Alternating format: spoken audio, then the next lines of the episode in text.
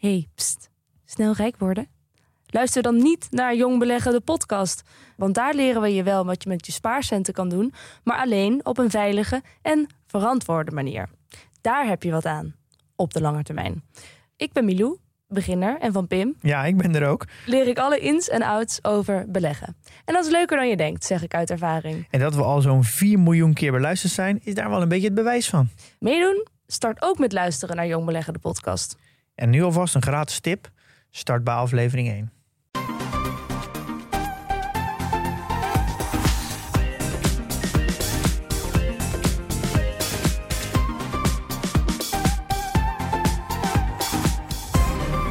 Welkom bij de Bright Podcast van woensdag 10 maart. We praten hierbij over de trading topics in tech van deze week. Mijn naam is Floris en aangeschoven vandaag zijn Erwin Hey. en Tony. Hoi hoi. Vandaag gaan we het hebben over de verkiezingen en dan vooral over tech. Hoe digitaal is Den Haag en hoe hoog staat tech op de agenda? Verder een nieuwe Sonos speaker, een groot Microsoft lek en Twitter pakt Baudet aan. We gaan beginnen. En dan, slecht nieuws. Eh, Nederland is een digibetocratie. We worden bestuurd door mensen die geen reet snappen van computers en digitale veiligheid. En dat zeg ik, maar dat zegt de Tweede Kamer zelf ook. Digitalisering biedt ongekende kansen, maar ook ongekende risico's. Ja, dat was Arjen Lubach. Die constateert dat het niet best gesteld is met de digitale kennis in Den Haag. Wij beduren daar in deze aflevering op voort om met jou in te zoomen op de verkiezingsprogramma's op digitalisering. Eh, corona, klimaat en de economie eh, mogen voor nu urgenter zijn, maar het eh, thema tech is op de lange termijn minstens zo belangrijk. Want de digitalisering raakt eh, een veelvoud aan onderwerpen: privacy, data, AI, ethiek, diversiteit, onderwijs, talent, klimaat en ga zo maar door. Maar ja, hoe staan die partijen tegenover digitalisering? Om deze podcast niet uren te laten duren, bespreken we het veelomvattende thema aan de hand van vier hete hangijzers. Te beginnen met thuiswerken. Zijn er partijen met opvallende standpunten? Ja, nou ja, dat is natuurlijk inderdaad een actueel eh, eh, puntje, hè, het thuiswerken. En je mag wel zeggen dat veel partijen daar wel brood in zien. Hè, want nou ja, we weten het allemaal, er is minder reistijd, minder files, daardoor ook minder uitstoot. En ja, hè, de meeste partijen die willen ook dat thuiswerken wel stimuleren. Door afspraken zelfs op te nemen, ook in CO's, hè, in eh, collectieve arbeidsovereenkomsten. Uh, een paar opvallende dingen ook wel, toch? De ChristenUnie bijvoorbeeld, die pleit voor schooltijdbanen. Hè, waarvan dan de werktijden samenvallen met de schooltijden. Uh, en is het dan de hele week? Nou ja, je, je, proeft hier en daar dat ze dan mikken op minstens twee dagen in de week. Dat je dan uh, zeg om en nabij drie uur kunt stoppen met werken en nou ja, dan voor je kinderen gezorg, uh, zorgt. Ook de PvdA bijvoorbeeld noemt dat punt, maar uh, opvallend genoeg overal zijn zij eigenlijk toch niet voor dat thuiswerken. En met name dan omdat het te veel stress oplevert en uh, zelfs tot burn-out klachten leidt. Uh, D66, dat trouwens, even tussendoor, de meeste aandacht heeft voor digitale zaken in zijn verkiezingsprogramma, op afstand gevolgd door de VVD. maar goed, D66 en GroenLinks die pleiten om die reden, hè, die stress en die burn-out klachten, voor het recht op uh, onbereikbaarheid. Ja, uh, de PvdA vindt dat trouwens ook, maar dan specifiek uh, alleen voor in het weekend. en de VVD, ja, die blijft eigenlijk best wel vaag over thuiswerken. Ze noemen het wel, maar nou, echt uitspreken doen ze zich niet. en de PVV dan nog bijvoorbeeld, die, ja, die zegt er echt helemaal niets over. Hmm. Ja, maar dat is eigenlijk ook dat schooltijdwerken is uh, misschien nog wel goedkoper ook. Want dan hoef je geen toeslag meer te betalen aan al die ouders voor de buitenschoolse opvang. Ja, voilà. Ja, nou ja, kijk, dat hele ja. dat, dat gelijktrekken met die schooltijden, dat spreekt mij eigenlijk ook wel aan. Kijk, hè, we hebben natuurlijk, uh, nou, wat was het? Uh, vrijdag 13 maart vorig jaar, 2020. Ik ben sinds die ja. tijd één keer nog op mijn werkplek geweest in Hilversum. Ik nul keer. Ja, nou kun je nagaan. En maar goed, ja. ik, heb, ik heb niet het idee dat mijn productiviteit eronder leidt. Weet je, en als er een, uh, een deadline is, of, of ik moet echt bijvoorbeeld iets heel geconcentreerd schrijven, een script, of ja, dan doe ik dat, uh, maar goed, dat deed ik daarvoor ook al, dan doe ik dat toch meestal s'avonds. Uh, ja. Dus nou ja, ja ik, ik, zie daar wel brood in. Ja, het is wel opvallend dat de PvdA daar ja, een beetje een, eh, een, een merkwaardige algemenisering op loslaat. Want dat verschilt nogal hè, wat voor impact thuiswerken heeft. Dat, eh, daar kan je niet eh, over het algemeen eh, van zeggen dat het, dat het negatief is, toch? Dat ligt puur aan de invulling Ja. bij die organisaties. Een beetje vreemd is dat wel. Want er zijn ook genoeg onderzoeken waar het tegendeel blijkt. Waar, waar, waar mensen hetzelfde als Erwin ervaren, dat je productiever wordt. En eh, dat wil ik wel eens een keer goed uitgezocht hebben dan, toch? Voordat je daar als politieke partij eh, een standpunt over eh, inneemt. Maar goed, de PvdA is wel de enige partij die pleit voor dat we allemaal eh, recht hebben op een snelle internetverbinding. Nou ja, Dat wordt dan expliciet genoemd. Eh 50 mbit, mbps. Ja. Eh, en binnen 10 jaar dan zelfs iedereen een gigabit verbinding. Dat is dan wel een van die beloftes. Dat willen ze bij de Europese Commissie trouwens ook. Hè? Dat eh, over eh, in 2030 dat we dan allemaal een snel internet Ja, hebben. in de dat is natuurlijk EU. vaker. Die, die standpunten zijn er Ah, dat ook vaak. goeie. Omdat eh, men, veel partijen en mensen ook trouwens zijn dan bezorgd om een, eh, een, een digitale kloof. Hè. Niet iedereen kan mee in, in, het, in de digitalisering. We zien eh, natuurlijk ook met het thuisonderwijs bijvoorbeeld vaak bij, ja, bij wat armlastigere gezinnen of zo. Of, of eh, met een slechte verbinding of, of geen eigen apparaat voor een leerling. Of, eh, nou ja. Eh, dus daar valt ook wel wat voor te zeggen. En dat, daarmee zouden we dat wel... Nou ja, zetten we eigenlijk een ondergrens vast. Nou, ik ben ook, daar ben ik eigenlijk wel voor. Ja, en over dat thuiswerk is natuurlijk ook, we kijken nu naar, en nu, nu zeggen veel mensen dat ze het beu zijn. Maar ja, na zo'n jaar corona en gedoe, ik weet eigenlijk niet eens meer wat ik beu ben. Ik ben wel iets beu, maar ik weet niet of, of ik nou thuiswerken beu ben. Ja, nou dat misschien nog wel Ja. het minste inderdaad. Het, eh, Ja. ik, ik, heb, ik vond het eh, thuisonderwijs erbij vond ik zwaar. En eh, de lockdown ben ik ook wel zat. En de avondklok. Maar thuiswerken, mwah. Nou ja, als ik, ik, kijk, ik, kijk, ik kijk vooruit naar een hoop dingen. En dat is ook wel collega's in het echt weer zien. Maar ik kijk niet uit naar dagelijks in de spits in het OV zitten of in de file staan.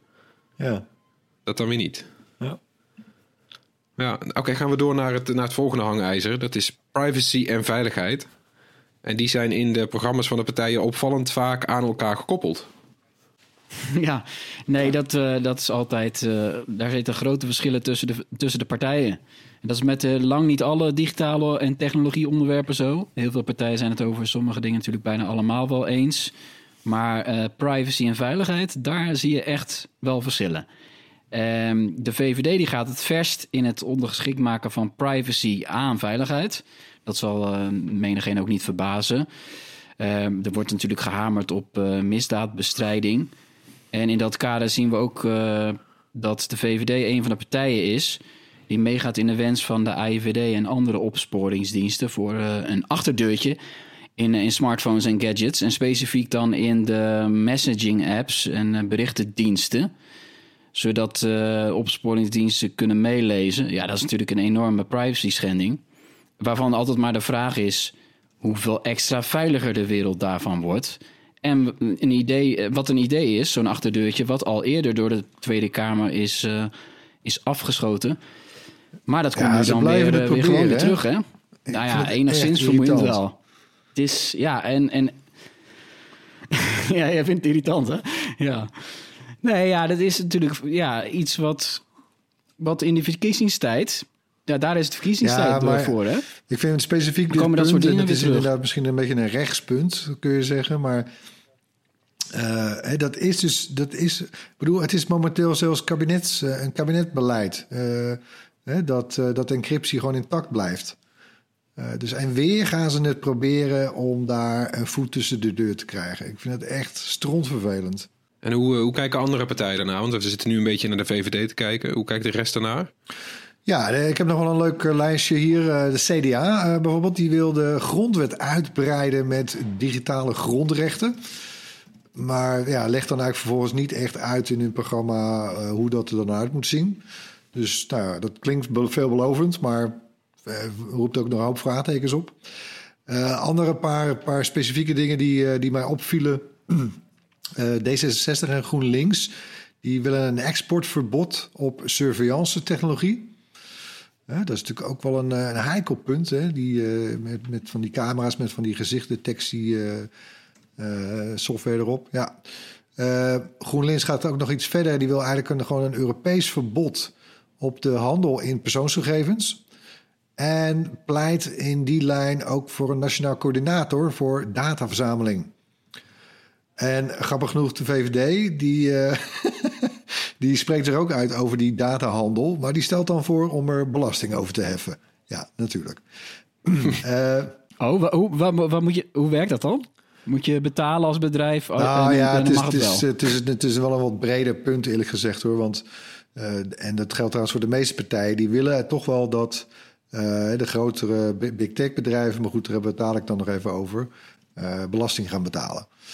Eh, maar goed, even terug naar, naar mijn lijstje. Ehm, eh, die, die, die gezichtsherkenningssoftware, eh, waar ook GroenLinks eh, zich over uitsprak. Ja, D66 en CDA die willen daar regelgeving voor. Dat lijkt me ook wel hoog tijd. Forum voor Democratie trouwens, die wil de sleepwet, die beruchte wet, ook voor surveillance, intrekken. En dan, dat vond ik nog wel de meest opvallende, de, me- de meest archaïsche ook misschien wel, de PVV. Die wil een, een digitale schandpaal voor eh, veroordeelde zeden- en geweldsdelinquenten. En het liefst trouwens op gemeentelijk niveau. Dus dan, eh, ja, eh, stel, dan moet je denken aan een website waar een foto op staat van een veroordeelde delinquent. En nou ja, wat mag je dan? Dat mag je dan, dan mag je dan op die pagina mag je, mag je die helemaal verrot schelden of zo waarschijnlijk. Ja, wat eh, opvallend is rond, eh, rond privacy... eh, is natuurlijk dat alle partijen het eens zijn over één ding. En dat is dat eh, onze privacywaakhond, de autoriteit persoonsgegevens... dat die veel meer geld moet gaan krijgen. Ja, dat mag ook wel, hè? want eh, er was natuurlijk weer een, een eh, groot lek voor nodig... en grote problemen voor nodig om Ja. daar de aandacht voor te krijgen. En dan heb ik het over de, ja, het privacylek in de coronasystemen van de GGD... Eh, ja, toen pas viel het kwartje bij de Tweede Kamer dat die autoriteit persoonsgegevens eigenlijk veel te weinig mensen in dienst heeft. Die hebben 184 werknemers nu. Eh, terwijl er 27.000 datalekken per jaar worden aangemeld. In Nederland, hè? 27.000. Ja, dat is verplicht volgens de nieuwe regels. Eh, nou ja, raad eens hoeveel fulltime medewerkers de autoriteit persoonsgegevens heeft op het Van onderzoeken die van, datalekken. 184. Ja, van die 184 inderdaad, ja. Nou, en, ja, en oh, specifiek het onderwerp datalekken. Jij weet het, Floris? Ja, een halve. Wauw.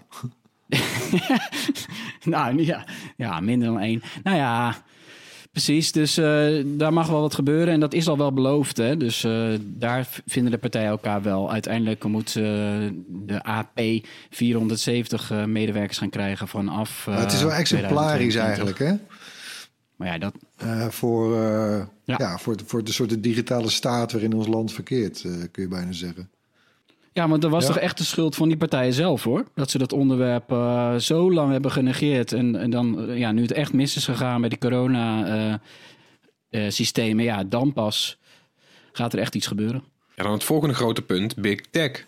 De impact op ons digitale leven van grote bedrijven als Apple, Google, Facebook, Amazon en Microsoft. De Big Five. Ja, daar zullen alle, alle partijen wel iets van vinden, toch? Nou, niet allemaal, maar daar zal ik straks wat over zeggen. Maar bijna alle partijen wel, die vinden natuurlijk dat de macht van Big Tech moet worden ingeperkt. Daar hebben we het al vaker over gehad eh, bij Bright natuurlijk. En ook als dat betekent dat er een aantal grote bedrijven moeten worden opgesplitst. Dat is natuurlijk een van de meest vergaande maatregelen. Maar daar wordt in Europees verband wel degelijk aan gedacht. Als Google bijvoorbeeld te machtig wordt, nou, dan kan je het eh, ophakken. Eh, daar zijn ook wel meerdere partijen ook wel eh, mee eens. Eh, D66 gaat ja, het vers op dit punt. Die wil een soort van tegenmacht organiseren op allerlei manieren. Dat Europa eh, ja, gaat samenwerken om ja, een, soort tegenmacht tegen alle die Amerikaanse bedrijven te vormen. En ook wil de D66 dat er meer inzage komt in de algoritmes van bedrijven zoals Facebook. Ja, dat is ook wel een goed punt eigenlijk. Hè. Dat is een van de dingen die, die beter geregeld moet gaan worden. Dat zit trouwens ook in die nieuwe eh, Europese richtlijnen. hè? Eh, daar, daar komt dat trouwens wel ook in voor. Die inzage, die transparantie over hoe die bedrijven te werk gaan. Ja, Ja, ik ben benieuwd hoe ze, het gaan, hoe ze dat gaan invullen. Hè. En, eh, en ook een belangrijk punt is natuurlijk data, onze data, die dan niet langer op Amerikaanse servers eh, eh, mogen staan. Daar zijn ook veel partijen het mee eens. Eh, maar opvallend is dat eh Forum voor de Democratie zich vooral zorgen maakt over de censuur die er door die grote techbedrijven zou kunnen zijn. Twitter, Twitter misschien. Ja, daar kan je ook iets bij voorstellen. Precies. Juist natuurlijk deze week dat er een tweet van Baudet Ja, ge- hoe noem je gemarkt dat? is, geflagd. Door ja, ja, precies. Hij, ja, à la Trump, hè. Dus eh, ja, het is wel toevallig natuurlijk dat dat gebeurt. Maar eigenlijk natuurlijk ook niet. Maar wel, eh, wel gek ook als je het hebt over Big Tech... is dat de PVV er helemaal niks Ja. van vindt. Ja, er staat eh, niks over in een programma. Dat denk je ook van, hey, het is een van de grote belangrijke dingen. Zou je zeggen. Maar de PVV vindt er niks van. Nee, nou ja, alles wat, eh, wat buiten de eh, Nederlandse landgrenzen gebeurt, geloof ik, dat vindt de PVV allemaal minder belangrijk. Hè? Maar goed. Eh, ja, nou ja, je ziet ook wel dat inderdaad de bestrijding eigenlijk van Big Tech door veel partijen, die zien toch het liefst dat dat inderdaad in Europees verband moet gebeuren.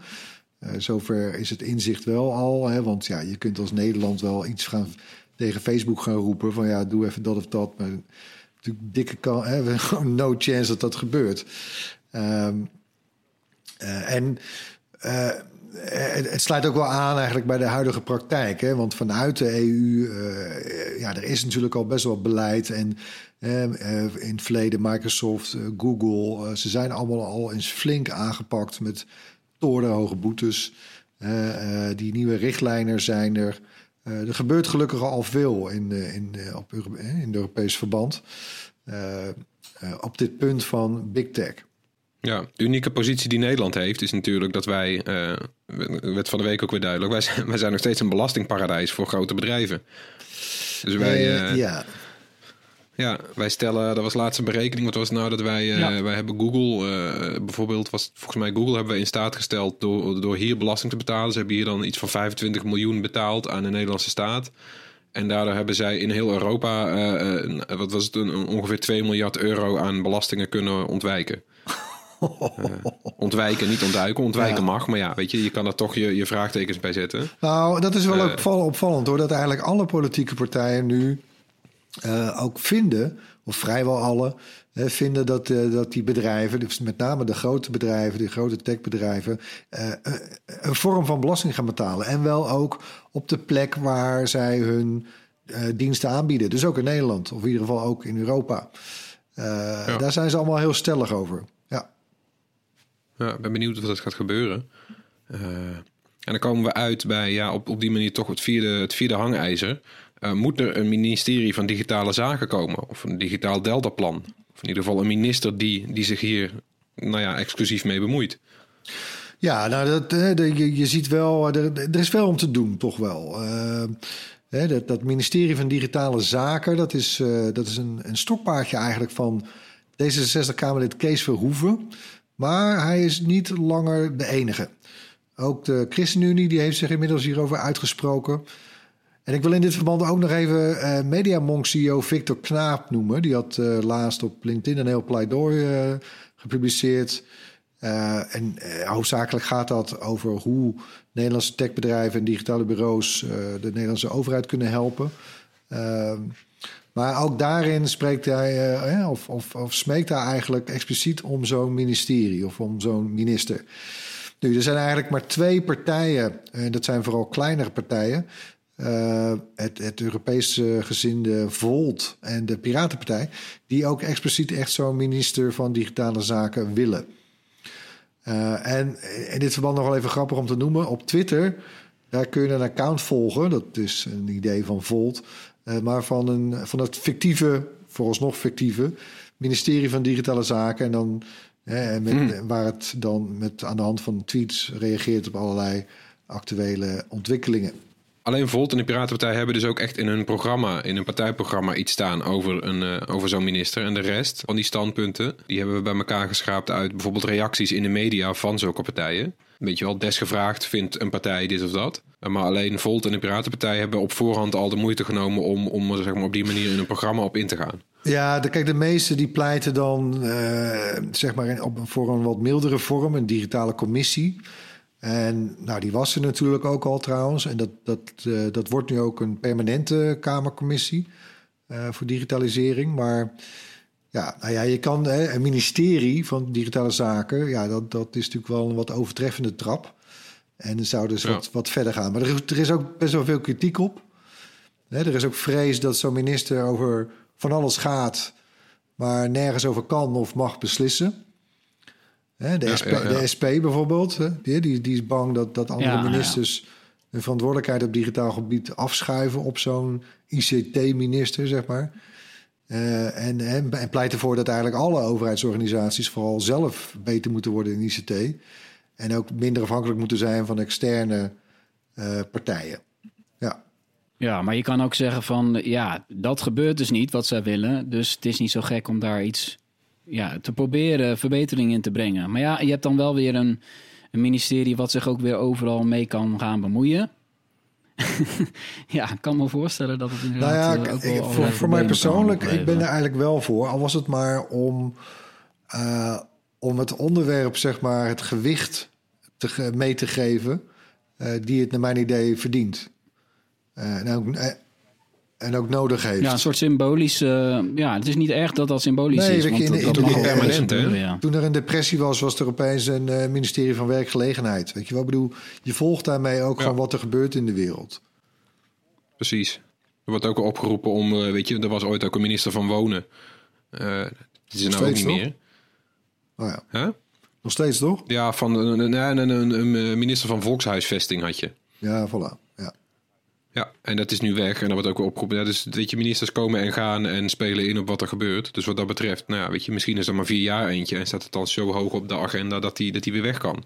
Misschien nog wel belangrijker dan ook zo'n ministerie, of eigenlijk, hè, de, de, we hebben het dan eigenlijk over een vorm waarin eh, de politiek hopelijk eh, meer gewicht aan dit onderwerp gaat geven. Maar Ja. belangrijker vind ik nog bij eigenlijk, en dat vond ik best schrijnend eigenlijk, het gebrek aan visie op digitalisering eh, in deze verkiezingen. Weet je, in, in al die programma's. Eh, Ja, je, het gaat mij echt gewoon te vaak over alleen maar over wat er juridisch eh, mag. En, en eigenlijk te weinig over wat we ethisch willen.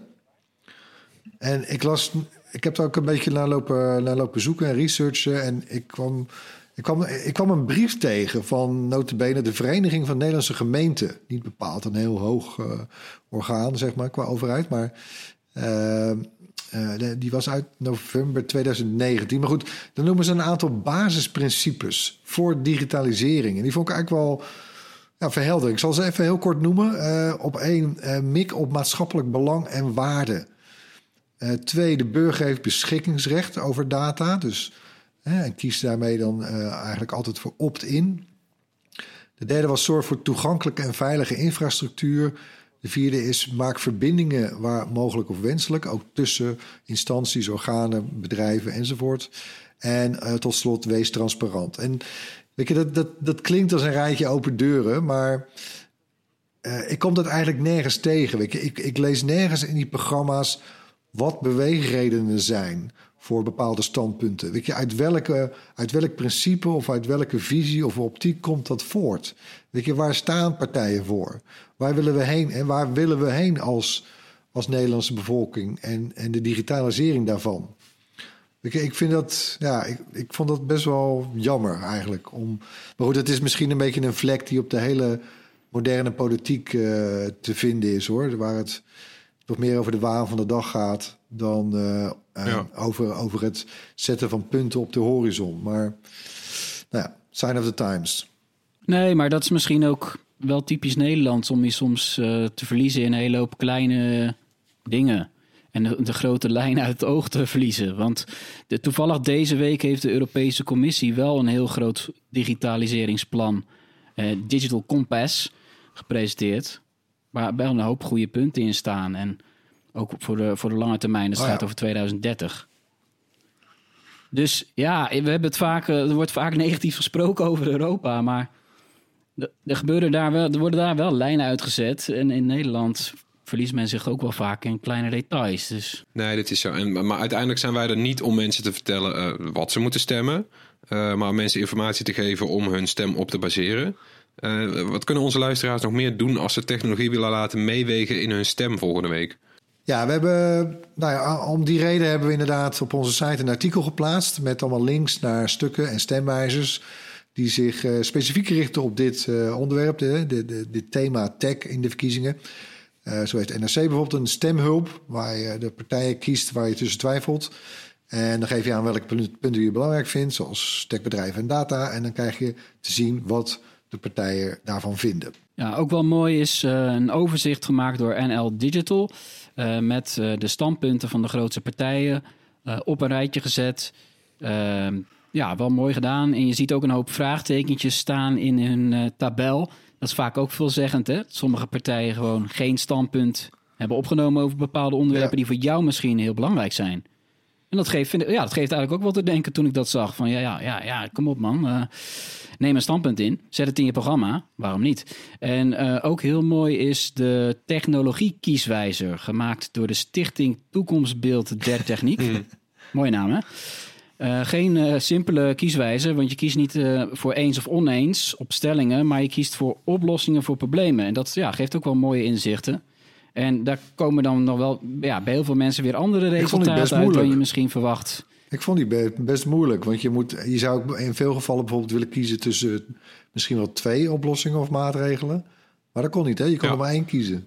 Ja, er staan vaak iets van eh, drie, vier of vijf eh, dingen staan er dan. En ja, ja wel mooi gedaan hoor, die, eh, Ja. die technologie kieswijze. En we gaan dat allemaal, eh, ja, het staat dus op een artikel, in een artikel op onze site. Zullen we ook naar linken in de show notes van deze podcast. Hebben we nog een laatste advies voor de luisteraar? Nou ja, ga natuurlijk sowieso eh, stemmen. Eh, en voor negen uur.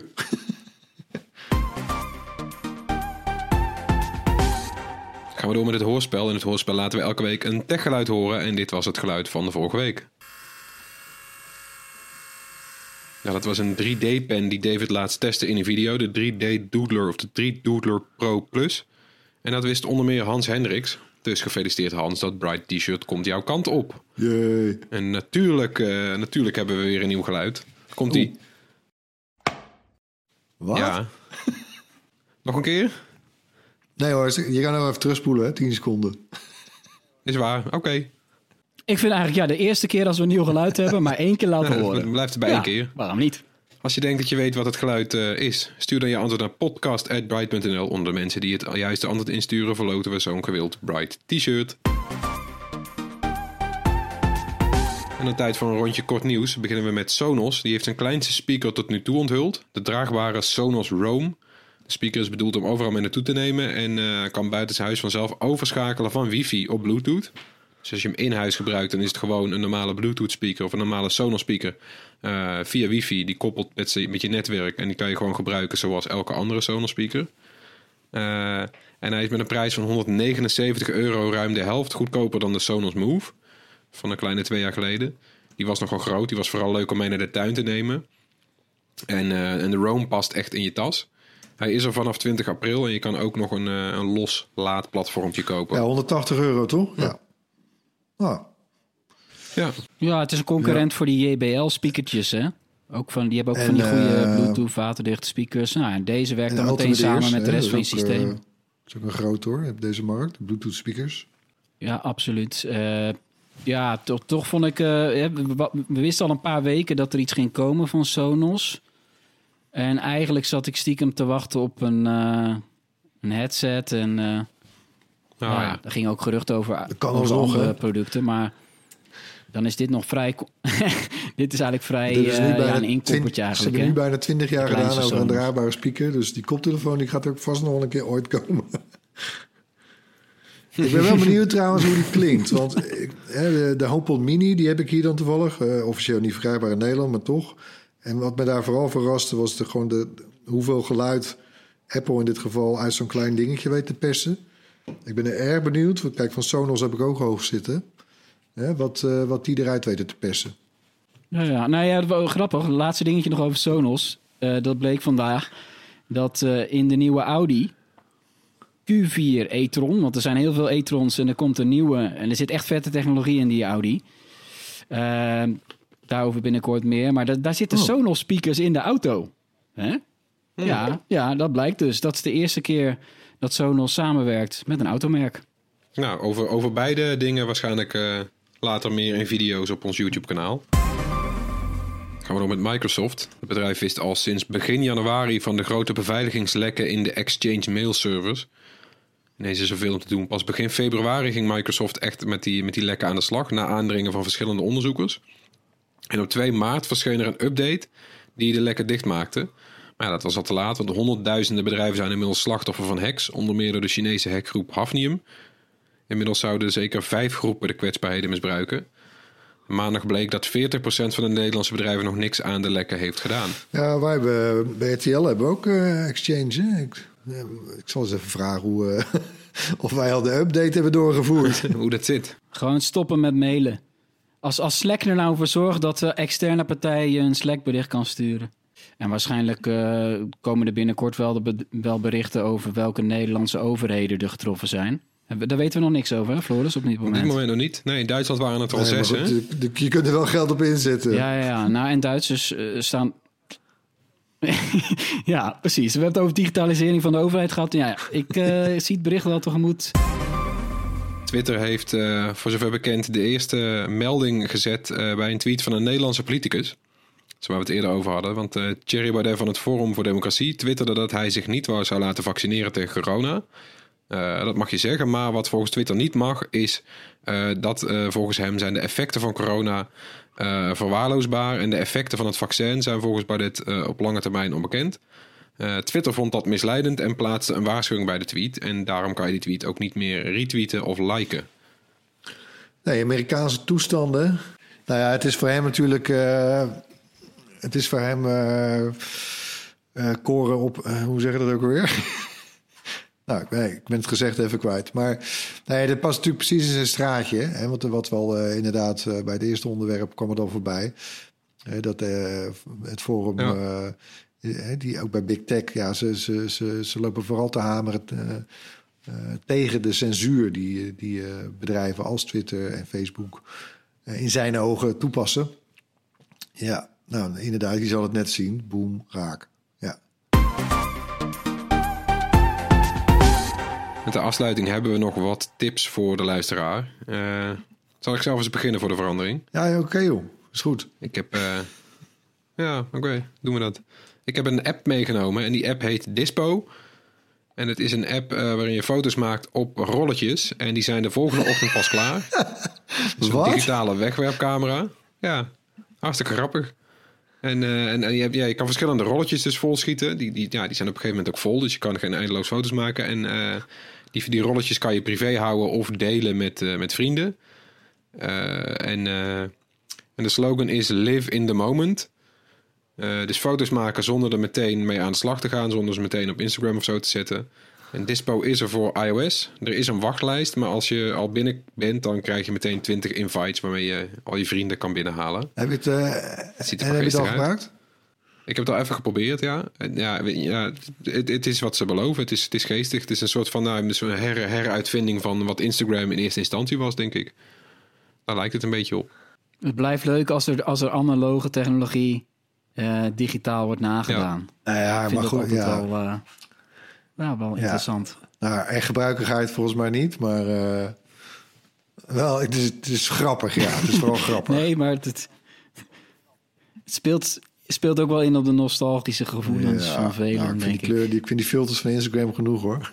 Ja, ik, ik denk dat dit zoiets gebruik je een tijdje. En eh, weet je nog eh, in de begintijd van de iPhone dat je al, al die apps had, dat als je muziek afspeelde, dat er dan een, eh, echt een plaat op je schermpje aan het Ja, eh, hoe heet het? ronddraaien eh, was? ja, Floris, jij, jij weet het waarschijnlijk. een Dus, Skeuomorphism. Ja, hè, hè, godverdomme, wat een bekkenbreker is dat. Ja, ja dus, dat, hè, dus altijd als er iets nieuws verschijnt... dan, eh, dan vindt vaak in de vormgeving een soort... eh, een, hè, dan willen ze het... eh, dan vertalen ze de vormgeving in iets wat je al wel kent. Ja. Eh, dus inderdaad bijvoorbeeld eh, de interface van de eerste iPhone. dus dan zag je agenda eruit als een leren boekje en, enzovoort. En, en Voice YouTube had een band meelopen. Ja, en, en YouTube, dat was gewoon een tv'tje, weet je nog, zo'n hele oude dan, zogenaamd. Ja. ja, nou, dat soort fratsen, ja. Daar doet het me ook een beetje aan denken, ja. Maar ik heb, eh, Floris, jij hebt eh, de filmrolletjes zelf bijna niet eens meegemaakt. Hebben en ik nog wel. Ja, maar nou, jij de- bent een paar jaar bijna wel. Te, te jong voor. Ik moest, mijn- in de- we hadden, ja, je had dan wel nog die, eh, die doosjes. Daar heb ik veel mee geknutseld op de basisschool, ja. Die, eh, die fotorol eh, kokertjes. Ja, ik heb nog een tipje, kleintje hoor. Wel, ik, toch wel erg leuk, een animatieserie. Eh, Star Trek Lower Levels. eh, te zien op eh, Amazon Prime Video. Star Trek, eh, ik, ja, ik ben best wel fan, fan van de series. Eh, maar het gaat natuurlijk altijd over de grote helden en, en, de, en de grote... En de- deze serie gaat dus echt over het, het, lager, eh, het lagere personeel. Letterlijk op de lagere dekken in, in de schepen in die Star Trek wereld. Ehm, De red shirts. Ja, de, de, eh, maar ook weet je, de onderste eh, engineers en de, en de, en de zusters eh, op in de sick bay. En dus niet de dokter. En er zitten wel een paar grappige scènes in ook. Over hoe, hoe zeg maar de leiding, hè, dus de hoofdengineer en de, en de hoofd van de ziekenboeg en de, de captain natuurlijk. Die, die zijn alleen maar, pro- proberen die alleen maar punten te scoren. En, en eh, super ambitieus, weet je, willen alleen maar scoren. En, eh, eh, en, en zij staan daar dan zo echt zo letterlijk bij en kijken daarnaar. En hebben zoiets van, what the fuck. Dus dat, dat zit een beetje in heel die serie. die, die hele serie is daar een beetje doorspekt van. Dus nee, het, ja, ik vond het. Ik had zoiets van, nou ja, dat, dat kan toch nooit wat zijn. Maar ik vond het toch best wel grappig. Ja, eh, Star Trek Lower Levels. Ben benieuwd. Tony. Ja, ik heb een, eh een, een Videoland tip. Eh, dat is eh, de serie The Next E-Talent. Ja, dat gaat over professionele sporters. Het is een soort, soort afvalrace met Nederlandse talenten in de voetbalgame FIFA. Die kennen we natuurlijk allemaal. Dat is een van de populairste games van Nederland. En daar hebben zich 3000, eh, eh, bijna allemaal jongens, aangemeld om mee te doen ermee. Eh, uiteindelijk zijn er de- 30 eh, uitgekozen. En geen enkel eh, meisje trouwens, helaas. helaas. Jammer eigenlijk, hè? Eh, en dan uiteindelijk gaan ze op zoek naar het grootste FIFA-talent van Nederland. Eh, en die mag dan echt professioneel gamer worden bij Team Gullit. Want eh profvoetbal, oud-profvoetballer Ruud Gullit... die heeft gewoon zijn eigen eh, e-sports academy Zeker. toch wel aardig. Ja, ja. En, en ehm, aan het programma doet ook Koen Weiland mee. Dat is een bekende Nederlandse professionele gamer. Eh, FIFA-icoon eigenlijk. eh, die tegenwoordig ook de E-bondscoach is. Maar zit je de hele tijd naar potjes te En, kijken? eh, of hoe- wat, wat, zie je eigenlijk? Nee, het is eigenlijk wel zo gemaakt dat het ook wel leuk is voor de, voor de papa's en mama's om mee te kijken. Met de jongens die van die game houden. Eh, want het gaat echt niet alleen over die game hoor. Ze moeten, ze moeten van alles en nog wat doen. Eh, natuurlijk is het belangrijk dat ze goed kunnen spelen, maar ze worden ook echt wel getest. Het is echt wel een harde afvalrace. En het gaat niet alleen om, eh, om concentratie en, en topsportmentaliteit, maar ook bijvoorbeeld om, over sociale vaardigheden. En hoe ga je om met de media? Want het komt ook het komt aardig wat bij kijken om e-sporter te worden. En het, dat telt ook wel mee. Dus daar beoordeelt Gullit eh, ze ook wel op. Hoe, hoe doet zo'n jongen het? Sommige van die jongens die zijn dan eigenlijk hebben hun, hun potje verloren in FIFA, maar die gaan dan toch door in, in die serie. Omdat ze gewoon het, eh, een goed verhaal hebben na afloop voor de camera. Kunnen ze uitleggen. Hmm. Ja, dat is ook wel belangrijk. En een van de jongens die meedoet aan eh, Next E-Talent, dat is de zoon van, eh, van René van der Gijp. Oh. Toevallig, ja. En ik moet zeggen, die, die praat ook wel Ja, weer ja. makkelijk op camera. Geen idee of, hoe ver die gaat komen, want dit is zo'n serie die elke week een nieuwe aflevering Oh, heeft. ja. Dus staan niet allemaal achter elkaar online. Elke dinsdag eh, komt er een nieuwe aflevering op Wel video. leuk. Eindelijk weer ook weer iets waar, waar dan mee misschien ook juist ouders inzien. Dat het niet, eh, al lang niet meer een soort van alleen maar een spelletje is. Maar dat het best serieus kan worden. Nee, het is echt gel- gelikt gemaakt ook, jongen. Het is echt een mooie locatie waar die jongens allemaal moeten overnachten. En je denkt van tevoren van, hé, het zijn allemaal 30 jongens die er bijna allemaal hetzelfde uitzien, weet je wel. Zijn het dezelfde types? Dat lijkt wel zo te zijn. Maar die hebben natuurlijk allemaal een totaal andere persoonlijkheid uiteindelijk, hè. En, Ja, en dat ja. komt ook wel erg naar voren. We hebben als laatste ook nog even een tipje van eh, Marijn. Komt-ie? Ja, mijn tip is een video die ik heb gemaakt. Hij staat op ons YouTube-kanaal en gaat over zelfvarende binnenvaartschepen. Ja, dat is niet het eerste waar je aan denkt als je aan een binnenvaartschip denkt. Dat ze ook eh, technologisch vooruitstrevend zijn. Maar ik heb er op de Factor 4 een dagje meegevaren. En die kan dus zelfstandig 100 kilometer varen zonder dat de kapitein hoeft in te grijpen, bijvoorbeeld. Dankzij allerlei slimme technologie, sensoren eh, en natuurlijk eh, de brains, een computer die in de stuurhut hangt.